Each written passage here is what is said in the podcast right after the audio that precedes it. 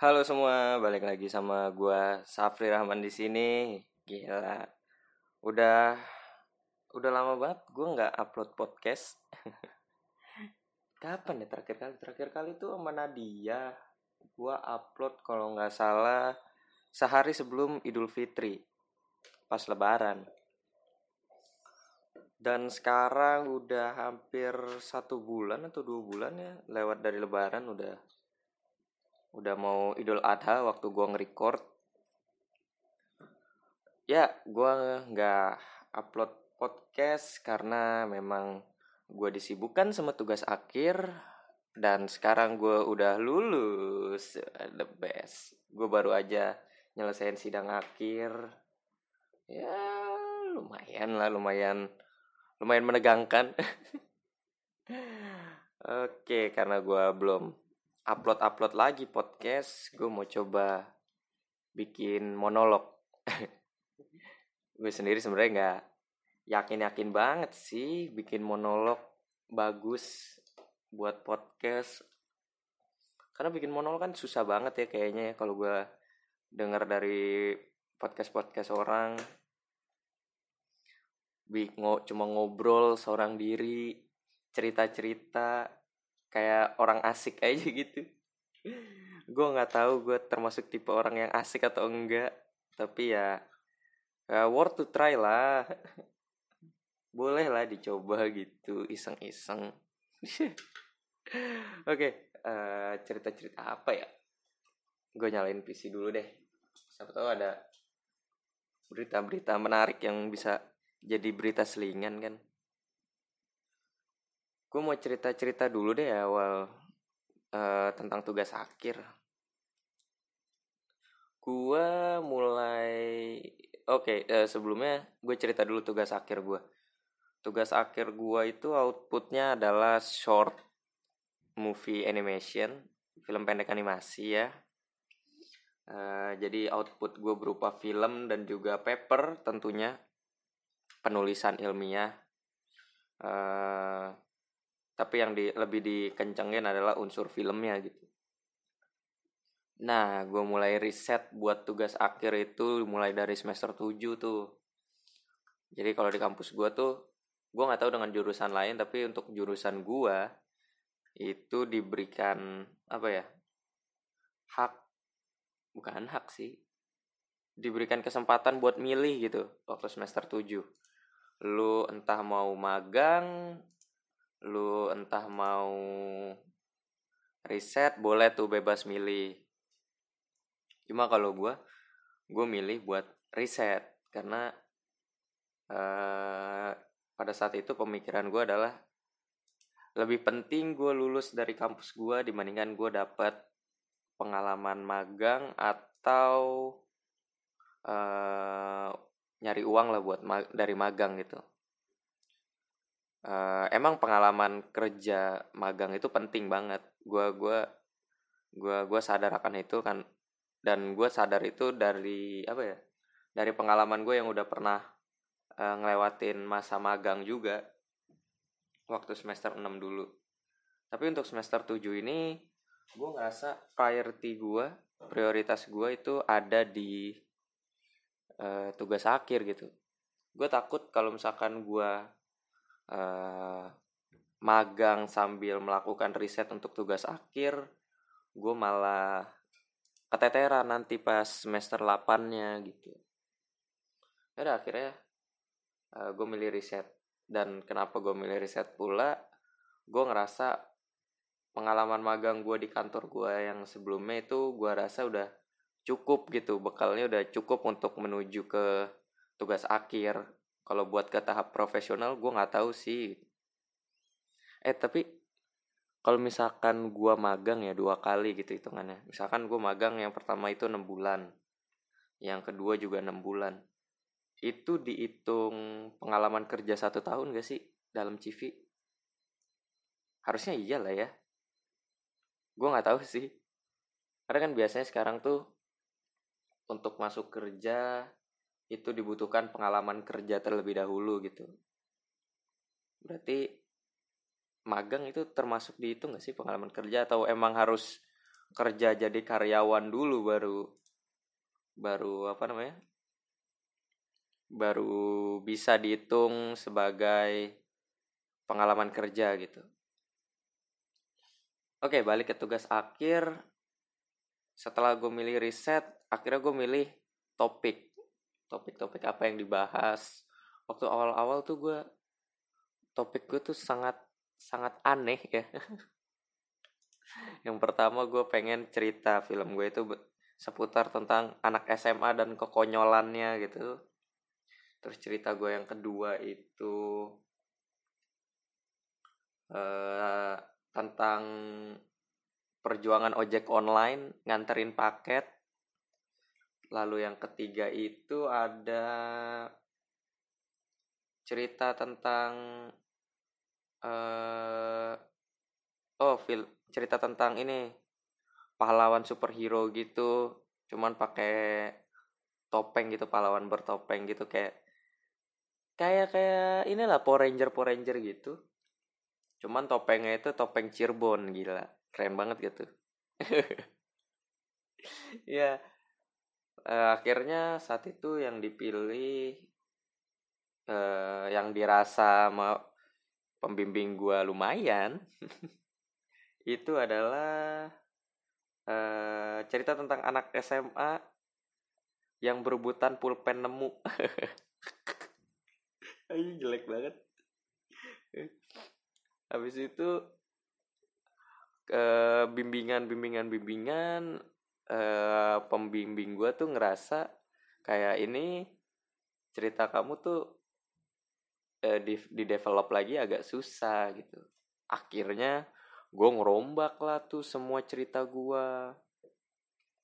Gue rombak cerita gue dari awal gue buang konsep gue yang terdahulu akhirnya gue ngambil cerita tentang ayah dan anak jadi ayahnya tuh super sibuk anaknya tuh pengen banget ditemenin main ditemen ditemenin main sama ayahnya gitu. Cuman ayahnya tuh selalu kerja kerja kerja cari uang cari uang cari uang cari uang. Ya tipikal orang tua modern kebanyakan lah. Ya gue nggak ngejudge semua orang tua modern itu seperti itu ya. Tapi kebanyakan orang tua seperti itu gitu lebih memprioritaskan uh, uh, pekerjaan dibandingkan main sama anaknya gitu. Karena uh, orang tua tuh berpikir ya gue harus memenuhi kebutuhan si anak nih makanya gue banting tulang pagi siang malam kerja gitu. Nggak ada salahnya juga sih sebenarnya berpikir seperti itu. Cuman di perspektif gua itu uh, ya kerja boleh maksudnya boleh banget gitu. Orang tua kerja baik ayahnya doang ibunya doang atau kedua-duanya kerja itu boleh. Cuman anak ini juga jangan sampai nggak ditemenin main gitu loh. Harus diajak main juga. Terutama anak-anak yang usianya tuh masih ya 1 sampai 5 tahun lah gitu. Itu wajib banget ditemenin. Gue tuh tipikal orang yang gak suka ya meskipun gue belum jadi orang tua ya. Tapi itu gue sangat bertentangan sama konsep nitipin anak ke uh, entah orang lain ataupun ke keluarga gitu gue sangat bertentangan dengan itu karena gue merasa anak itu ya harus dijaga dengan orang tuanya gitu uh, biar apa ya biar anak dan orang tua ini tuh ada bondingnya gitu ada punya hubungan yang yang kuat lah gitu satu sama lain gitu. Biar cair juga sih hubungannya nggak kaku gitu. Nah itu.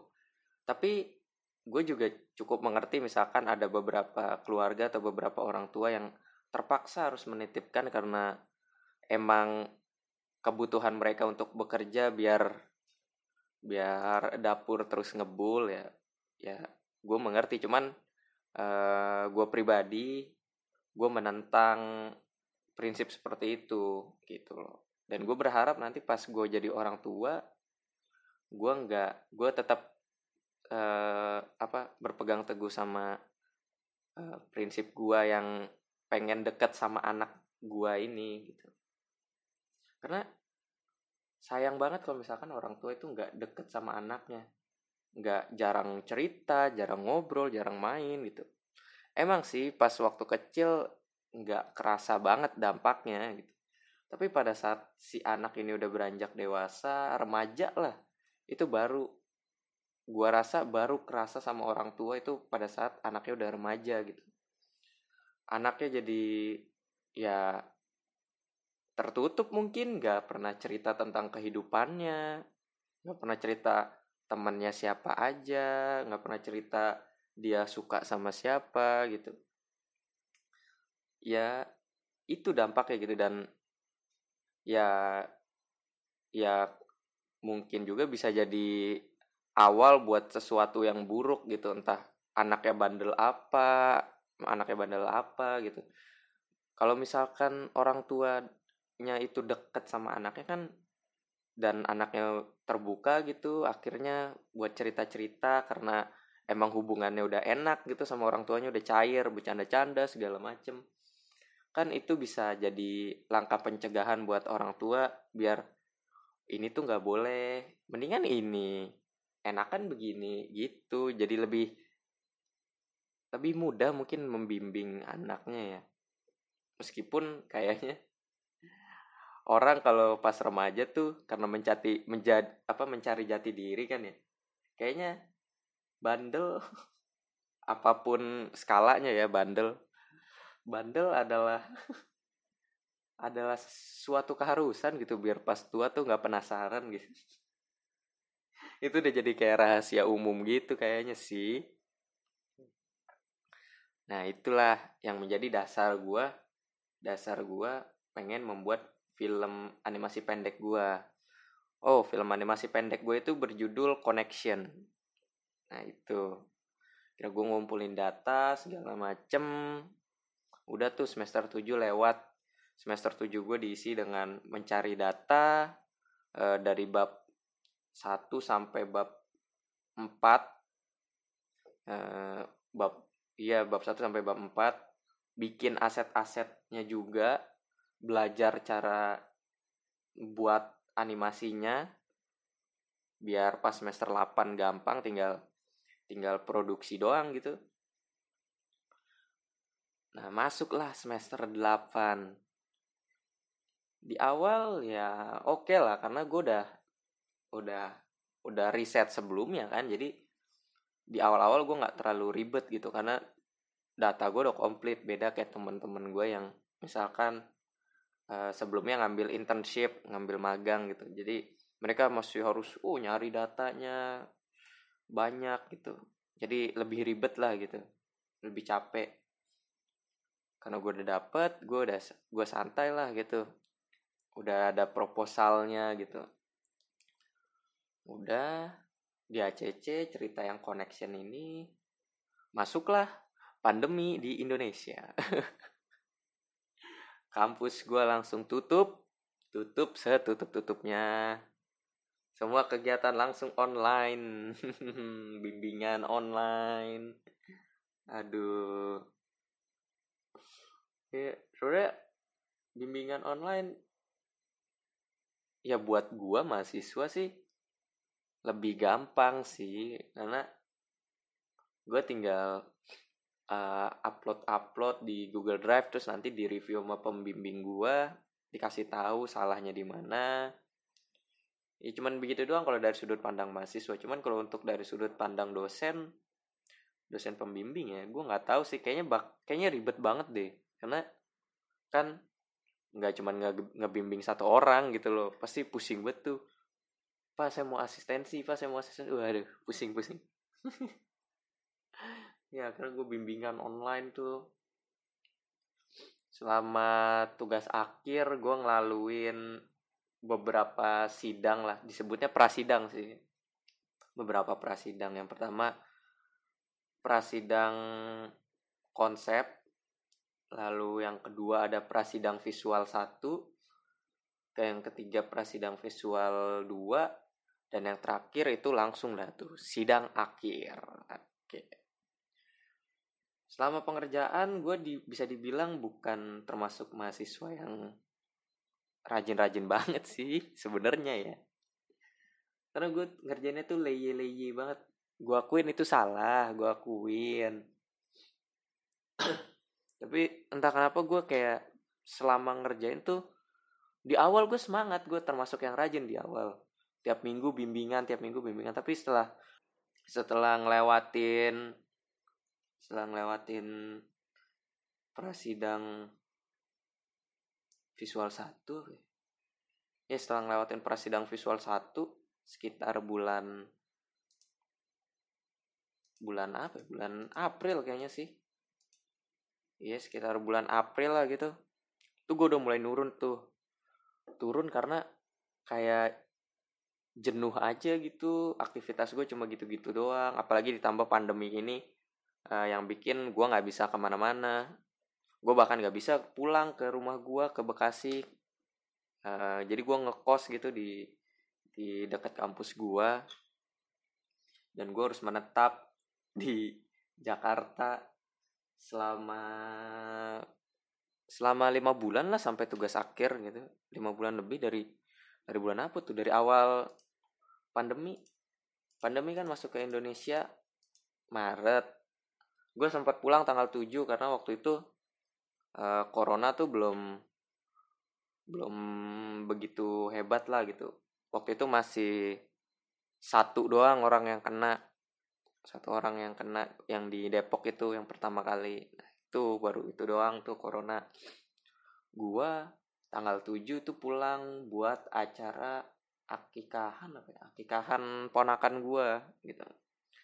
Pulang udah habis itu itu jadi pulang terakhir gua sebelum pandemi pandemi gitu. Gua stay di kosan Idul Fitri gue di sini. Wah sangat stressful ya ternyata sendirian itu. Gue pikir gue adalah orang yang uh, cukup introvert. Ya introvert aja. Gue pikir gue orang yang cukup menyukai kesendirian. Tapi ternyata sendirian lama-lama di kosan itu juga apa ya juga juga ini sih apa uh, penat juga gitu loh sendirian lu nggak ada temen ngobrol Iya karena gue gua kan ngekos sendirian nggak nggak berdua sama temen gitu. Ya jadi gue sendirian doang di kosan. Aduh ngerjain tugas akhir. Jadi itu mempengaruhi performa gue gitu. Gue ngerasa jenuh karena nggak ada hiburan. Gue nonton YouTube juga. Gue rasa tuh kayak anjing ini udah gue tonton semua. Apalagi uh, YouTube sekarang ya masih asik sih. Cuman gue nggak suka tuh kayak misalkan gue nonton satu konten ini cuma sekali nih terus tiba-tiba itu muncul mulu di suggestion nah itu gue nggak suka tuh kalau dulu kan uh, yang muncul di suggestion tuh yang benar-benar kita subscribe atau yang benar-benar kita suka gitu loh. Jadi uh, nonton suggestionnya juga enak gitu. Tapi ini tuh kadang gue nonton sekali. Gue nonton uh, konten itu juga karena ada salah satu public figure yang gue suka gitu. Terus tiba-tiba muncul mulu di suggestion kan. Tai ya padahal gue gak suka banget gitu sama pemilik kontennya gitu loh. Gue cuma suka uh, uh, satu video itu karena ada public figure kesukaan gue gitu. Nah itu tuh gue bosen gue jenuh. Ya akhirnya performa gue menurun gue males-malesan. Di prasidang visual 2 gue cukup payah ya gue akuin gue cukup payah. Gue jarang bimbingan persidang visual 2 terus juga progresnya juga nggak banyak. Parah deh pokoknya pas prasidang visual 2 tuh. Setelah pravis sidang visual 2 tuh sekitar bulan bulan apa ya? Bulan Prasidang Visual 2 tuh dikumpul sekitar bulan Mei, akhir Mei. Baru tuh bulan Juni, satu bulan full gue jor-joran ngerjain film pendek gue. Jadi film pendek gue itu total ada 108 shot. Total semuanya sampai uh, dari opening sampai credit title tuh total 108 shot. Uh, dan pas uh, selama dari sidang visual 1 sampai sidang visual 2 pengumpulan gitu gue cuman ngerjain 4 shot. Gila kelihatan kan betapa ma betapa pemalesnya gue di di sidang visual 2 gitu. Ya jangan ditiru lah itu tuh nggak baik. Tapi ya itu kalau boleh membela diri gue gue jenuh banget asli bener.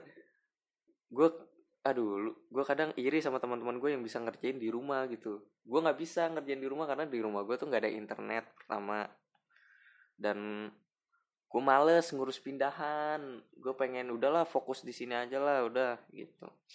Tapi end up anjing malah ngebosenin banget sendirian di kosan. Duh goblok goblok. Gue kerjaan cuma di kosan doang. Keluar ya gue keluar keluar sih tapi ya cuman beli makan sekitaran kosan doang gitu. Nggak pernah sampai jalan ke mana jalan ke mana nggak pernah. Ih ya ampun.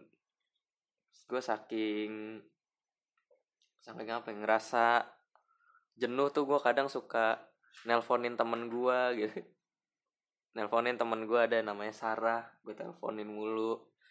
Uh, Indra gue teleponin mulu cewek gue juga gue teleponin mulu. Cuman dia juga sibuk jadi gue lebih sering ke, ke kedua teman gue ini gitu.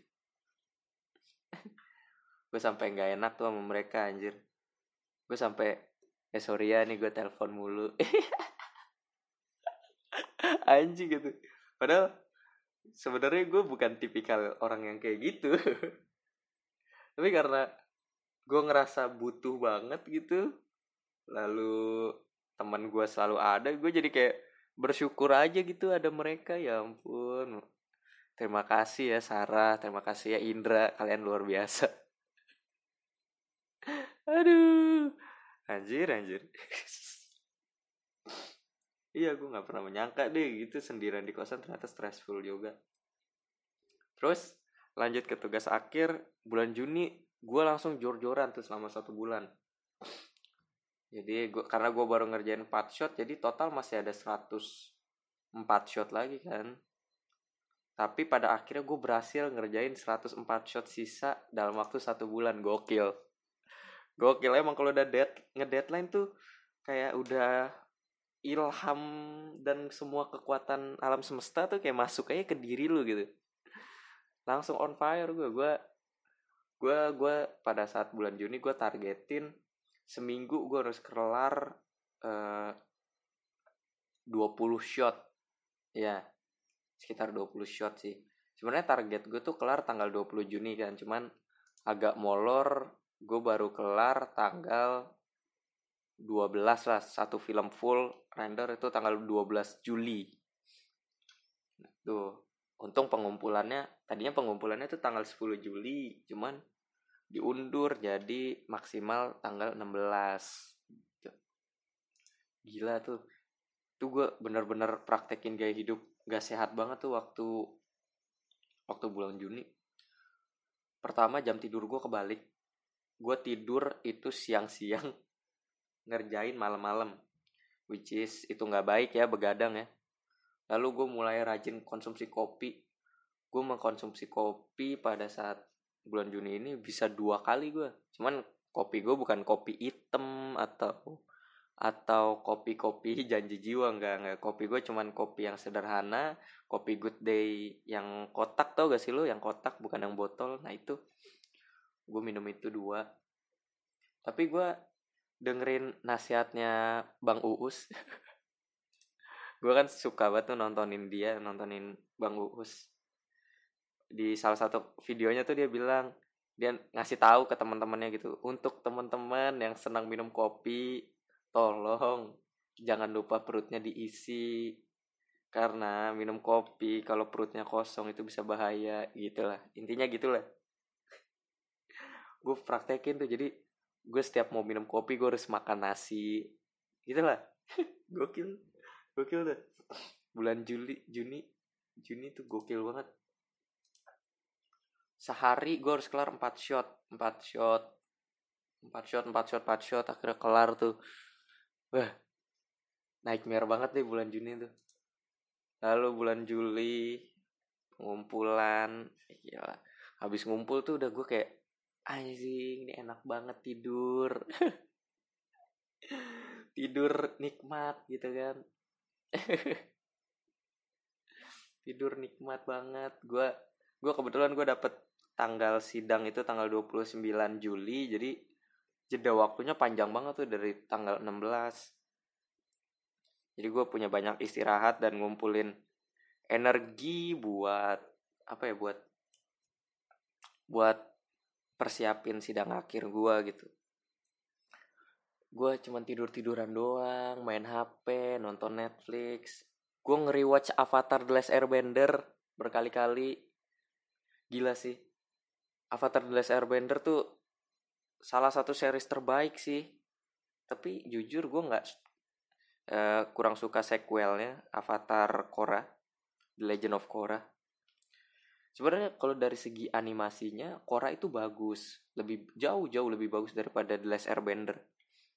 Tapi entah kenapa gue kurang suka dari segi penceritaan entah kenapa ya. Gue suka penceritaan The Last Airbender tuh bener-bener uh, jadi si Avatar Aang ini nih cuma punya satu tujuan gitu yaitu uh, ngalahin Fire Lord Ozai, Raja Api Ozai. Dia dia dia dia ya itu tujuannya gitu. Dia dia harus nge-restore balance ini. Dia harus uh, apa ya? menyeimbangkan kembali dunia yang yang yang dirusak sama uh, kerajaan api Fire Nation. Ya, ya itu. Jadi uh, selama seriesnya tuh bener-bener arahnya tuh linear gitu bener-bener kayak anjing gue so tau banget ya tapi ya gue ngerasa seperti itu kayak alur cerita itu bener-bener ya lurus aja gitu loh meskipun misalkan di book satu ada perang di Sorten atau Norton ya? Pokoknya ada peran perang di suku air lah gue lupa utara atau selatan. Utara sih kayaknya Norton.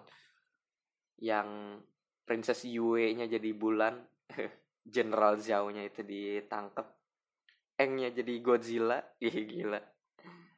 Itu ya jadi meskipun uh, ada perang di sini terus ke Omashu segala macem berubah-berubah gitu tapi uh, secara benang merahnya tuh tetap mengarah ke si Raja Api Ozai ini gitu.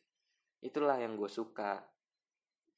Terus eh, sedangkan kalau misalkan Avatar Korra ya, Avatar Korra tuh eh, setiap seasonnya berubah-berubah gitu. Dan gue kayak nggak nemu benang merahnya gitu loh. Jadi book 1 ngelawan Amon Equalis. Book 2 ngelawan Unalak Dark Avatar. Book 3 ngelawan Zahir. Book 4 ngelawan Kuvira. Itu tuh masing-masing punya tujuan yang berbeda gitu. Dan nggak ada yang sampai bener-bener big bossnya itu tuh bener-bener nggak ada gitu. Jadi kayak empat season ini bener-bener boss semua gitu. Beda kayak Eng Avatar Eng gitu. Avatar Eng uh, big bossnya itu Raja Api Ozai tapi ada bos-bos lainnya gitu kayak ada General Zhao uh, sama Zuko kalau misalkan di book 1 book 2 book 2 ada uh, Azula Tylee sama si siapa tuh Mei pacarnya si uh, Zuko book 3 ada Azula sama bapaknya. Sama itu Combustion Man gila. Kalau kata Saka kata kalau kata Soka Soka apa Saka sih sebutnya? Saka lah ya. Saka waktu awal ngasih nama Sparky Sparky Boomman lucu banget anjing namanya Sparky Sparky Boomman itu. Sedangkan kalau Avatar Korra tuh enggak gitu bos semua gitu nah ditambah kalau Avatar Eng itu tuh kayak ada cerita avatar-avatar lain gitu. Ada Avatar Roku ada ada cerita Avatar Roku ada cerita Avatar Kyoshi. Terus ada Avatar Kuruk kalau nggak salah ya sekilas gitu waktu yang ketemu Koh Festiller kayaknya ya sekilas sih ceritanya itu. Nah jadi seru gitu. Sedangkan kalau Avatar Korra tuh bener-bener dirinya doang gitu yang diceritain sama timnya. Gue pribadi gue kurang suka. Tapi animasinya tetap top lah Avatar Korra. Gila sih gerakan-gerakannya luar biasa lah. Dibandingkan dengan Avatar Eng. Salah satu best moment Avatar Korra menurut gua adalah waktu Tenzin ngelawan Zahir. Gila itu. Animasinya keren banget. Gerakannya top tier itu top tier balik lagi ke tugas akhir ya gua kelar tuh yaudah gue cuma ngeri watch Avatar The Last Airbender sama nonton YouTube doang. Gue tontonin YouTube gue tontonin uh, YouTube-nya Barry William tentang motor. Sebenarnya gue nggak bukan orang yang motor banget sebenarnya. Cenderung gue tuh nggak ngerti motor mesin-mesinnya segala macam gue nggak ngerti tapi gue suka nontonin mereka nontonin Bari sama orang-orang yang diwawancarai Bari karena lucu gitu. Terus gue nontonin Uus Bang Uus uh, eh, TNM Kui. Gue nontonin Kui karena ada semprot terbaik semprot lucu banget parah. Parah lucu banget bagi gue lucu banget. TNM gue wajib nonton karena uh, biar gue nggak ketinggalan info tentang pergunjingan. Mantap mantap bang Andri. Semangat. Terus kadang gue nontonin MLI sama itu Ray buat trailer. Terus selain itu gue juga kadang dengerin podcast. Podcast yang gue dengerin ada podcast awal minggu podcast Gilang Baskara sama waktu itu gue dengerin podcast siapa ya oh podcast ini sih podcast yang di noise podcast udik gaharu tuh gue dengerin. Uh, musuh masyarakat gue dengerin beberapa episode cuman belum dengerin lagi karena belum dapat moodnya. Itu gue ngisi waktu luang gue di situ. Tibalah di sidang akhir. Sebenarnya gue termasuk hitungan yang beruntung sih menurut gue ya karena gue nggak terlalu dikil sama dosen penguji gue nggak terlalu dibantai lah gitu. Malah cenderung gue ngerasa baik banget dosen peng penguji gue luar biasa. Uh, saya terima kasih banget nih sama bapak dan ibu dosen penguji. Uh, eh, gue uh waktu waktu sidang gue sidang sidang akhir sidang online lewat zoom gue gugup banget gue ngomong sampai gelagapan. Uh, eh, gue beruntung ya karena di kampus gue sebelumnya tuh harus nyerahin video presentasi. Jadi yang komplitnya ada di situ tuh. Nah pas gue disuruh presentasi ulang anjir gugup parah gelagapan. Gue gelagapan karena sebenarnya gini nih. Sebenarnya gue udah siapin teks gitu kan buat mempermudah gue uh, mempermudah gue ini mempermudah gue presentasi. Jadi gue tinggal baca lah gitu terus tiba-tiba dosen pengujinya itu minta ini dong kamu ada PPT gak? Kalau nggak ada PPT workbook aja deh nggak apa-apa. Ya udah akhirnya harus share screen dong anjir. Kan malu ya share screen ada teks presentasi. Ya udah tuh anjir anjir. Untung gue apal gitu dan untung untung gue apal materinya dan emang ya ini kan gue yang buat sendiri. Masa iya gue nggak tahu siapa yang yang gue buat ya udah. Gue gelagapan banget gue gugup gue orangnya mudah gugup gue akuin. Gue harus belajar uh, soal itu buat nge-overcome gugup.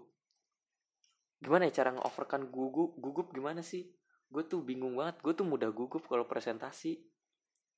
Sebenarnya kalau misalkan uh, ngobrol nongkrong gitu gue nggak nggak sepayah itu tapi kalau disuruh presentasi tuh anjir gue gugup banget.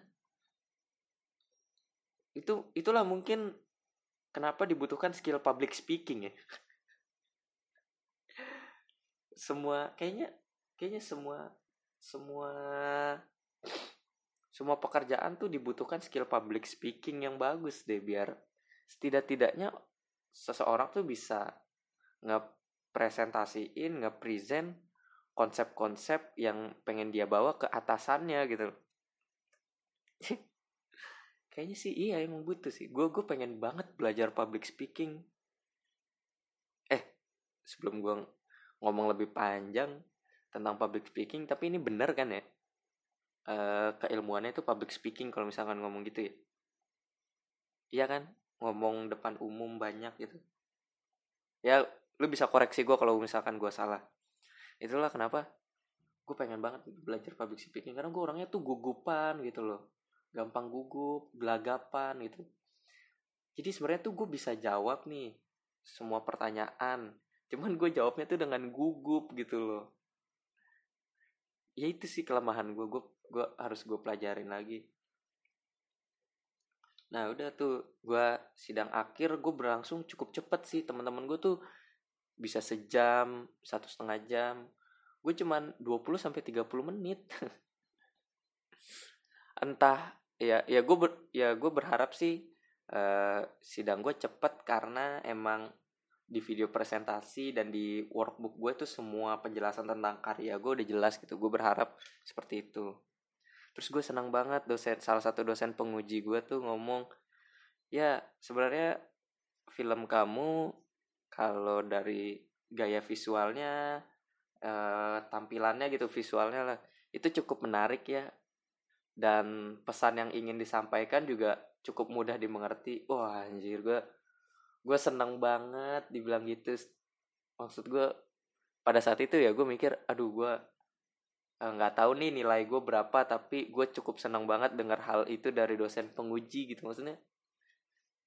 Itu udah kayak pujian yang sangat wah gitu buat gue buat gue pribadi gitu. Wah gila di dipuji nih sama dosen penguji gue dan dan target pasar gue kan target pasar film gue itu uh, orang tua yang punya anak gitu. Siapa tahu dosen penguji gue ini orang tua yang punya anak gitu.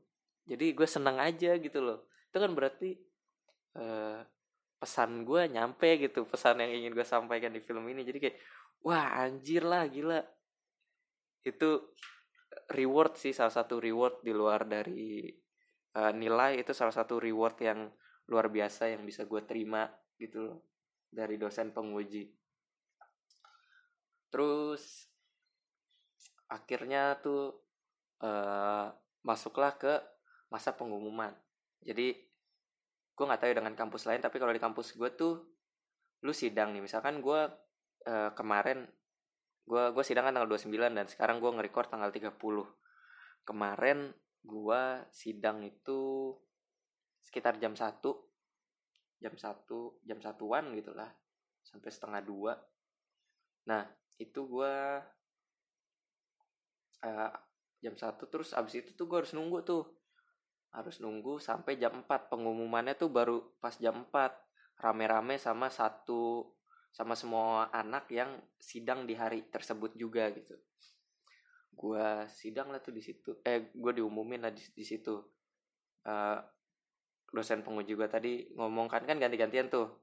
Uh, dosen peng, uh, tergantung sama dosen pengujinya. Jadi kayak uh, dosen penguji yang ini dulu sama anak-anaknya diumumin baru dosen penguji gue baru dosen penguji yang lain gitu. Nah masuklah di dosen penguji gue dan masuklah di giliran gue Muhammad Safri Rahman uh, ini udah saya approve ya. Selamat ya gitu. Nah sialnya adalah jadi pengumuman kelulusannya tuh ada di aplikasi kampus gue lah di HP di mobile. Nah sialnya adalah gue tuh make HP gue buat jadi kayak webcam buat buat jadi cam gue gitu. Jadi kan gue nggak bisa ngecek ya anjir. Gue harus nunggu meeting zoomnya itu kelar dulu. Teman-teman gue udah pada lihat nilainya gue tetap deg-degan anjing gitu gue aduh bangsat bangsat. Tetap deg-degan deh tuh gue terus eh sialnya lagi ya buat gue pas di si di anak-anak lain tuh yang satu dosen penguji sama gue itu jaringan dosen penguji gue tuh lancar ay, lancar gitu. Pas gue patah-patah dong Muhammad terus patah. Terus gue nggak denger tuh nge-freeze kan. Terus tiba-tiba udah saya approve ya selamat ya. Gitu ya ampun. Kenapa sih? Gitu loh. Itu gue lagi deg-degan diuji aja gitu loh. Kan? Ya ya sebenarnya bukan salah dosen penguji gue juga cuman kenapa sih semesta tuh selalu bercanda gitu sama gue ini gue lagi bak gue nih gue lagi deg-degan nih. Masih aja ditambahin sama hal yang kayak gitu ya ampun. Udah tuh terus keluar kan gue lihat nilai gue lihat uh, gue bukalah tuh aplikasi mobile kampus gue nah tampilannya tuh nggak ada yang kayak langsung kayak jelas gitu kayak selamat kamu lulus gitu. Nggak ada. Tampilannya tuh uh, kotak merah di atas tulisan bahasa Inggris uh, passing uh, tesis tesis defense does not make you automatically graduate gitu. Itu kan berarti kan artinya ngelewatin sidang akhir lu nggak bisa otomatis graduate tuh lulus atau wisuda lah gitulah. Gue nggak tahu. Nah terus yang kedua ada ini pengumpulan revisi lah gitu jadwal pengumpulan revisi. Karena kan setelah sidang ada revisi dong. Nah habis itu bawahnya tuh nilai. Terus gue bingung gitu kan. Ya nilainya ada sih dan dan jauh lah di atas minimal kelulusan. Alhamdulillah gue cukup jauh gitu. Gue lihat anjing nih gue beneran lulus gak sih? Kayak gak ada nggak ada tulisan kayak selamat kamu lulus gitu nggak ada. Maksud gue bingung terus gue nanya kan ke teman gue juga ke Bubo. Ada teman gue namanya Bubo. Gue nanya ke Bubo Bubo ini gue lulus gak sih? Ini ini beneran lulus gak sih? Terus gue nanya juga ke temen gue yang udah sidang si Apri gue nanya ke Apri Pri ini gue ini gue udah lulus gak sih? Ini nilainya udah keluar sih tapi ini begini. Terus temen gue iya lulus Pri lulus kalau Apri kan udah udah sidang duluan gitu dia sidang tanggal 20 di sidang duluan jadi kayak iya Pri itu udah lulus udah udah lu udah SSN udah udah fix gitu. Oh, terus gue oh iya Pri makasih Pri. Habis itu gue ke si Bubo. Si Bubo itu sidang hari sidangnya sama kayak sidang gue terus gue heboh heboh gitu berdua kayak bu ini kita lulus gak sih? Nggak tahu pri gue nanya ke anak-anak lain sih. Harusnya lulus sih harusnya sih lulus ya lulus ya gitu eh yang benar ini gue ntar gue udah uh, ngomong-ngomong ke yang lain tiba-tiba ternyata surprise surprise gitu kan. Iya. Terus bu uh, iya udah kok lulus lulus udah lulus lulus. Minimalnya kan C kan. Nah gue lu lu di atas C gak di atas sih alhamdulillah gitu.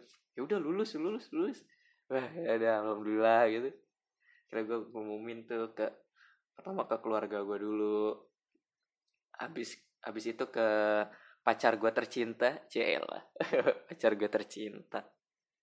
Pacar gue tercinta kayak eh ay aku lulus nih gitu. Aduh anjing alay banget. Ternyata alay ya kalau dengerin. Kalau dengerin lagi obrolan kita ke pacar tuh ayah ay aku udah lulus nih. Ay kamu udah makan belum? Alay ya ternyata ya. padahal kalau misalkan kita ngelakuin sama pacar kita kayak biasa aja gitu. Gitu. Habis itu gue ngomongin ke teman-teman terdekat gue gue sengaja sidang itu gue nggak ngomong-ngomong ke teman terdekat gue gue gue gue cuman ngomong ke ben, teman yang bener-bener deket sama pacar gue dan keluarga gue tentunya. Karena gue nggak mau sesumbar aja gitu nanti gue gue berpikirnya tuh nanti misalkan gue udah ngomong nih gue sidang tanggal segini terus tiba-tiba hasilnya buruk PHP aja kan gitu yang justru yang malu gue gitu loh. Nah, gue nggak mau hal itu terjadi jadi gue pengen ya udah surprise aja langsung di hari H itu. Jadi gue cukup senang dapat apresiasi banyak dari teman-teman sih dari yang teman-teman deket eh salah. Dari yang saudara eh, keluarga pacar gua terus teman-teman deket sampai teman-teman yang nggak terlalu deket. Gue sangat berterima kasih banget apresiasinya luar biasa. Gue mau ucapin selamat juga buat teman-teman yang juga lulus teman-teman kampus yang juga lulus. Yang belum mungkin uh, jangan jangan nyerah lah gitu terus berusaha uh, belajar dari kesalahan-kesalahan lu anjing. Lu udah lu udah gak lulus nggak belajar dari kesalahan bangsat. Lu mau lulus tahun kapan woi? Ayolah ayolah lulus lah ayolah biar lu bisa cari kerja uh, pacaran nikah ya udah udahlah gitu. Biar enak gitu lu hidup. Nggak jadi beban di masyarakat atau beban orang tua lah minimal. Itu jadi tetap semangat yang yang belum lulus tetap semangat. Tapi yang udah lulus juga selamat dan terus semangat dan sukses terus karena ya kelulusan itu bukan bukan akhir ya. Justru ini kita masuk ke sesuatu yang baru dunia kerja yang mana jauh lebih luar biasa tanggung jawabnya jauh lebih berat bebannya gitu. Jadi terus semangat lah terus inovatif apalagi lulu semua itu uh, bakal terjun ke industri kreatif. Jadi teruslah inovatif teruslah berkreasi teruslah berkarya. Luar biasa. Safri bijak banget anjing di penutup. Ya gue salah satu apresiasi apresiasi yang bener-bener yang gue senang itu ada salah satu apa ya sebutannya gue nggak tahu kakak ipar apa apa gitu. Jadi dia anaknya kakaknya nyokap. Ya itulah saudara gue lah. Tuh dia bilang umurnya emang jauh di atas gue dia seumuran sama kakak gue gitu uh, dan emang waktu kecil tuh gue selalu main sama dia gitu. Gue waktu kecil tuh selalu main ke rumahnya dia gitu. Ke rumah dia main sama uh, seisi keluarganya lah. Gue main di situ. Terus dia bilang e, selamat ya deh ya ampun. Eteh gitu kan manggilnya eteh gitu. Eteh tuh teteh eteh teteh gitu. Eteh tuh uh, ngelihat uh, kamu itu masih kayaknya tuh masih kecil aja gitu. Sekarang udah lulus gitu. Jadi selamat ya semoga sukses terus gitu. Terus gue kayak terharu gitu ya ampun iya. Waktu kecil gue sering main ke eteh aku sering main ke eteh gitu. Bahkan dulu waktu kecil pernah ngebanting mainan ke mukanya eteh maaf ya teh ya kalau soal itu ya. Namanya juga anak kecil teh ya ampun jadi senang aja gitu gue dapet apresiasi kayak gitu. Luar biasa sih. Tapi ya uh, ngerjainnya satu tahun kurang lebih satu tahun euforianya cuman satu hari. Euforianya cuma dia 15 menit semalam lah aduh gue juga pengen ngucapin terima kasih buat orang-orang yang membantu gue selama selama selama gue ngerancang film pendek ini. Gak ada yang bisa gue kasih sebagai terima kasih selain gue cantumin nama kalian di film gue jadi gue sangat berterima kasih sama uh, dosen gue uh, dosen gue uh, mentor gue uh, temen gue eh, boleh boleh lah ya kak dianggap temen yaitu kak Nasiruddin Alfat yang yang selalu ngasih saran-saran, ide-ide, selalu open untuk diajak brainstorming. Padahal gue tahu jadwal dia sibuk sebagai dosen, sebagai freelancer. Tapi tetap mau aja gitu direpotin sama mahasiswa seperti gue. Jadi gue terima kasih banget sama Kak Alfat. Terima kasih juga buat Ade Abram. Ade Abram kalau bukan karena Ade Abram gue mungkin gak kenal sama dunia desain. Jadi terima kasih banget lu waktu itu udah nyamperin gue uh, waktu SMA lu udah nyamperin bangku gue dan lu nggak dan lu dengan iseng ngajarin gue Photoshop. Terima kasih banget. Itu jadi percikan awal gue uh, suka dengan dunia desain. So terima kasih banget bro terus terima kasih juga buat Alip Alif Farhan yang udah bantu gue di awal-awal perancangan. Gue nanya tuh tentang psikologi ke dia. Meskipun sebenarnya dia nggak boleh ngasih statement sih karena dia kan belum jadi uh, pelaku dunia uh, ya pelaku dunia psikologis lah gitu. Tapi gue sangat terbantu gitu sama dia karena gue sengaja nanya dia gitu. Karena dia kan mahasiswa psikologi gue nanya tuh tentang hubungan ayah anak dampaknya ke psikis anak uh, kenapa orang tua itu begini terus ya begini begitulah. Dia jawab dengan sabar. Gue sangat terima kasih banget. Juga temannya Alip yang yang gue lupa namanya dan mungkin gue nggak tahu namanya yang juga ngasih jawaban atas semua pertanyaan-pertanyaan gue terima kasih banget abis itu buat uh, Sarah Indra terus siapa lagi yang selalu gue repotin Apri uh, uh, Bubo Kevin, Gara, Nopal, Pia yang selalu saja uh, senantiasa saya repotin dan tidak pernah masalah gitu saya repotin. Terima kasih banget atas support dan waktu luangnya yang udah kalian luangkan. Juga untuk pacar saya, pacar saya saat ini, Salvia Pamela. Makasih banget udah terus mensupport diriku ini, pacarmu ini yang sangat payah ya ya ya gue cukup payah ya jadi pacar karena gue orangnya kurang peka dan lain segala macamnya jadi makasih banget udah udah nge-support aku udah nemenin aku walaupun aku tahu aku rese. Jadi makasih ya. Yaudah sih itu aja sih kayaknya yang bisa gue ceritain ya apalagi ya? Oh akhirnya gue tuh ngambil kesimpulan yang kayaknya sih salah sih kayaknya ya. Tapi gue ngambil kesimpulan gini. Ngerjain tugas akhir berupa animasi di taraf mahasiswa ya short animation di taraf mahasiswa tuh masih terbilang cukup mudah. Secara teknis pengerjaan masih bisa terbilang mudah karena gue berhasil ngerjain cuma satu bulan. Kalau emang bener-bener rajin gitu gue cuma ngerjain satu bulan bisa bisa bisa lu dengar tadi kan cerita gue gue cuma ngerjain satu bulan dan gue total semua ngerjain itu sendirian tanpa bantuan siapa pun. Jadi gue bisa bilang ya cukup mudah lah.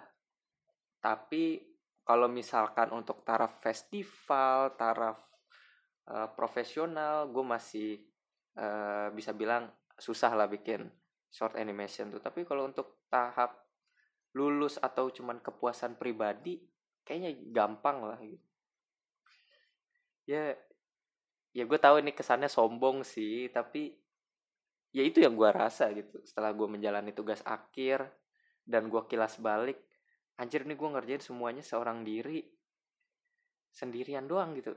Kayak gampang kayak gampang banget terus gue kayak kayak sebenarnya tuh gue kayak nggak ngepush limit gue juga gitu sebenarnya ya. Kalau maksudnya kalau ka, kalimat ngepush limit kan itu kayak misalkan ada skill yang nggak lu tahu lu bener-bener kulik lagi gitu.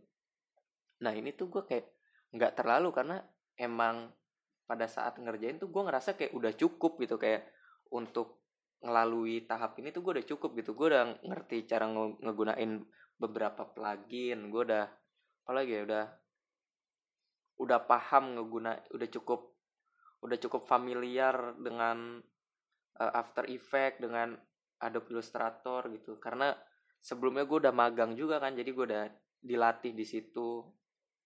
Dan udah sempat bikin pas magang tuh gue sempat bikin uh, animasi-animasi singkat 15 detik lah buat Instagram gitu. Jadi jadi gue udah terbiasa gitu. Uh, untuk bikin short animation 5 menit emang cukup panjang sih. Tapi cukup mudah lah gitu dibandingkan dengan tahap profesional. Gue yakin tahap profesional dan tahap festival tuh jauh-jauh lebih susah gitu. Itulah.